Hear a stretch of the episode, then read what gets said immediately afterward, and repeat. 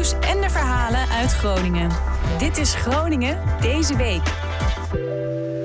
Leuk dat je luistert. Mijn naam is Joeke Boersma en dit is uh, Groningen deze week. Zometeen ben je in uh, 10 minuten weer bijgepraat over uh, wat er deze week speelde in Groningen.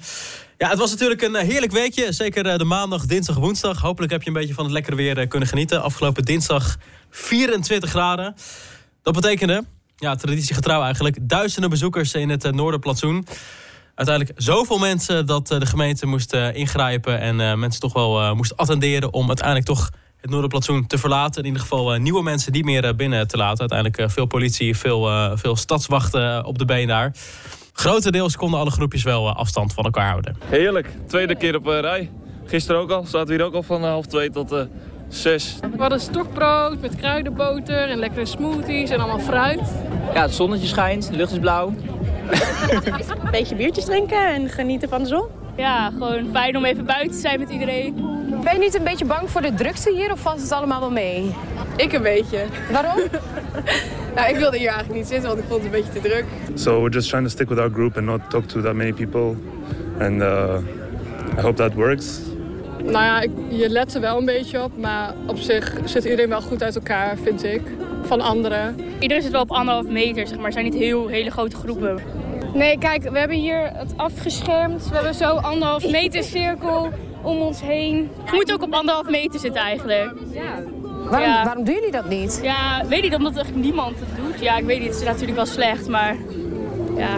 Uh, nou, in principe kunnen wij nu nog anderhalf meter afstand houden tot anderen. Dus dat vind ik prima. Ja, een hoop mensen genoten van het Noorderplantsoen. Maar er zijn natuurlijk ook een hoop horeca-ondernemers die hier naar kijken. En denken van ja, Mensen kunnen daar gewoon zitten. En uh, hoe zit het uh, met ons dan? Met de terrassen waar je ook gewoon anderhalve meter afstand uh, kan houden. Nachtburgemeester Marlijn Polman is hier ook niet heel blij mee. Hij vindt het oneerlijk. Ik vind het een beetje willekeur. Als je ziet dat mensen wel hun nagels mogen laten doen. En wel naar de kapper. Ik mag wel mijn rijles. Maar buiten op een terras waar ook prima die afstand kan worden gehouden niet. Terwijl er dus ook hoofdvirologie van het UMC Leiden zegt ook dat besmettingen in de buitenlucht eigenlijk bijna onmogelijk zijn. Dus ja, ik vind dat die terrassen gewoon open moeten. Denk dat dat eigenlijk overal best wel zou kunnen. Aan die horecaondernemers ligt het niet. Die willen met allerlei maatregelen in achtneming zorgen dat dat uh, verantwoord kan. En je houdt dan inderdaad meer controle dan wanneer mensen gewoon in een park op, uh, opgepropt bij elkaar hangen. Uh, er zijn nu afgelopen weken nu al een aantal zaken ons weggevallen. En als het zo doorgaat en ik zie niet zo heel snel versoepelingen aankomen... denk ik dat er nog veel meer gaan volgen voordat de zomer, wanneer misschien wel weer iets kan, dan plaatsvindt. Omdat de steun blijft nog steeds echt niet genoeg. En terras zou niet alleen uh, financieel een opsteker zijn, maar ook moreel. Dat er weer een lichtpuntje aan het einde van de horizon zeg maar, is. Ja, voorlopig uh, kun je er alleen nog uh, naar binnen om een prik te halen. Maar het gemeentebestuur is druk bezig met nieuwe grootse plannen voor Martini Plaza. En hierover hoor je wethouders Paul Rook en Roeland van der Schaaf. Je ziet wel dat er heel veel in beweging is, ook in die markt in Nederland en ook eigenlijk in heel Europa. Uh, en we weten dat Martini Plaza uh, 50 jaar oud is uh, inmiddels. dus ja, we moeten wel blijven nadenken over de toekomst. Dat ze het succes dat zij nu hebben, dat ze dat ook, dat ook in de toekomst kunnen blijven boeken. We willen werken naar een plan voor de lange termijn. Zodat we weten wat we jaarlijks nodig hebben om het gebouw goed te kunnen onderhouden. Maar dat wordt natuurlijk weer beïnvloed over wat je inhoudelijk met Martini Plaza wil. Nou, die twee lijnen gaan we de komende tijd bij elkaar brengen. Martini Plaza heeft echt een keuze gemaakt voor, uh, uh, voor sport, maar ook voor de zakelijke markt.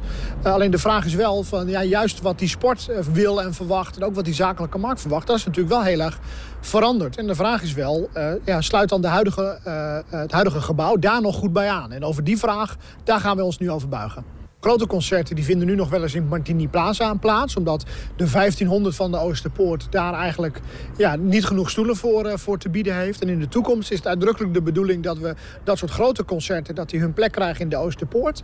Uh, en dat Martini Plaza vooral op dit punt zijn rol gaat spelen... als het gaat over de, de theaterfunctie. Dus eigenlijk overal waar de Schouwburg ophoudt zou je kunnen zeggen... dat daar Martini Plaza begint. Bijvoorbeeld met grote uh, cabaretshows, maar ook musicals. Bijvoorbeeld theatervoorstellingen. Ja, daarbij is Martini Plaza denk ik een belangrijk onderdeel van onze, van onze keten.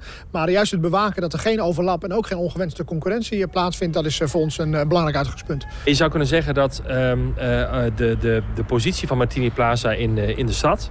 dat die verandert, hè, die, die wordt belangrijker. Komt eigenlijk, gek genoeg, komt het centraler te liggen... Hè, door de zuidelijke uitgang van het station.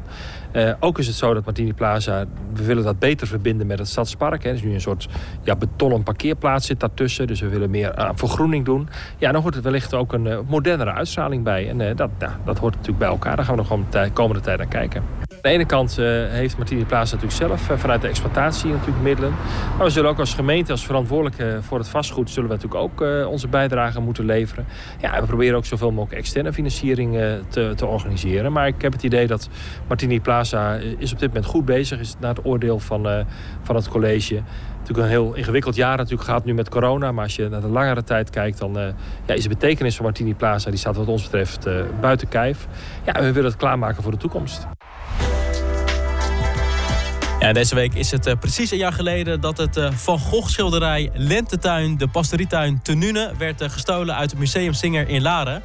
Nou, inmiddels is al bekend dat een drugscrimineel het werk heeft gekocht voor een bedrag van 400.000 euro, vlak na de diefstal. En kunstdetective Arthur Brandt is nu bezig met de onderhandelingen over de veilige, veilige terugkeer van het doek. Het Groningen Museum, de eigenaar van het schilderij, wil de diefstal opnieuw onder de aandacht brengen met een speciale website. En je hoort nu Sander Daams, hoofdeducatie van het Groningen Museum. Het is nu uh, 100, of, uh, 168 jaar geleden dat Van Gogh is geboren op 30 maart 1853. En het is precies een jaar geleden dat het uh, schilderij is uh, gestolen in het Zinger in Laren. En omdat het precies op deze dag is, hebben wij een, een, een inzoomer gemaakt. waar, waar je heel veel achtergrondinformatie kan vinden over het, over het schilderij. En we hebben nu specifiek alleen voor dit schilderij hebben dus ook een online ervaring gemaakt. Dus je ziet het schilderij, er zijn allemaal van die hotspots ingezet. En achter die hotspots, als je daarop klikt, kom je bijvoorbeeld bij een filmpje van Theo Medendorp of uh, ander beeldmateriaal of uh, kunsthistorische informatie. Hij is gestolen in uh, Laren, in Museum Singer. Ja. Uh, maar het is eigendom van het Groningen Museum. Hoe kan het dat hij daar hing? Ja, wij uh, als musea die lenen vaak onderling schilderijen uit voor, voor tentoonstellingen. Dus nu was ons schilderij die was eigenlijk op bezoek bij het Singer in Laren toen het gebeurde. Ja. Kan de site ook nog iets te helpen bij het terugvinden van de schilderij? Nee, ik, uh, dat, dat, dat, denk ik niet zozeer. Nee, we hebben het nu vooral, uh, willen het graag onder de aandacht brengen... een jaar na datum dat het is gestolen. En dat mensen het schilderij gewoon iets beter leren kennen. Uh, dus daarom hebben we allemaal verdiepende informatie. Misschien allemaal feitjes en weetjes wat mensen nog niet weten. En je kan dit allemaal vinden op groningermuseum.nl. Dus leuk als je even verveelt tijdens het thuiswerken deze week. groningermuseum.nl en tot zover Groningen deze week. Je kan je abonneren op deze podcast via je podcast-app. Je kan natuurlijk volgen op Spotify en een recensie achterlaten via Apple Podcasts. Dankjewel voor het luisteren en tot volgende week.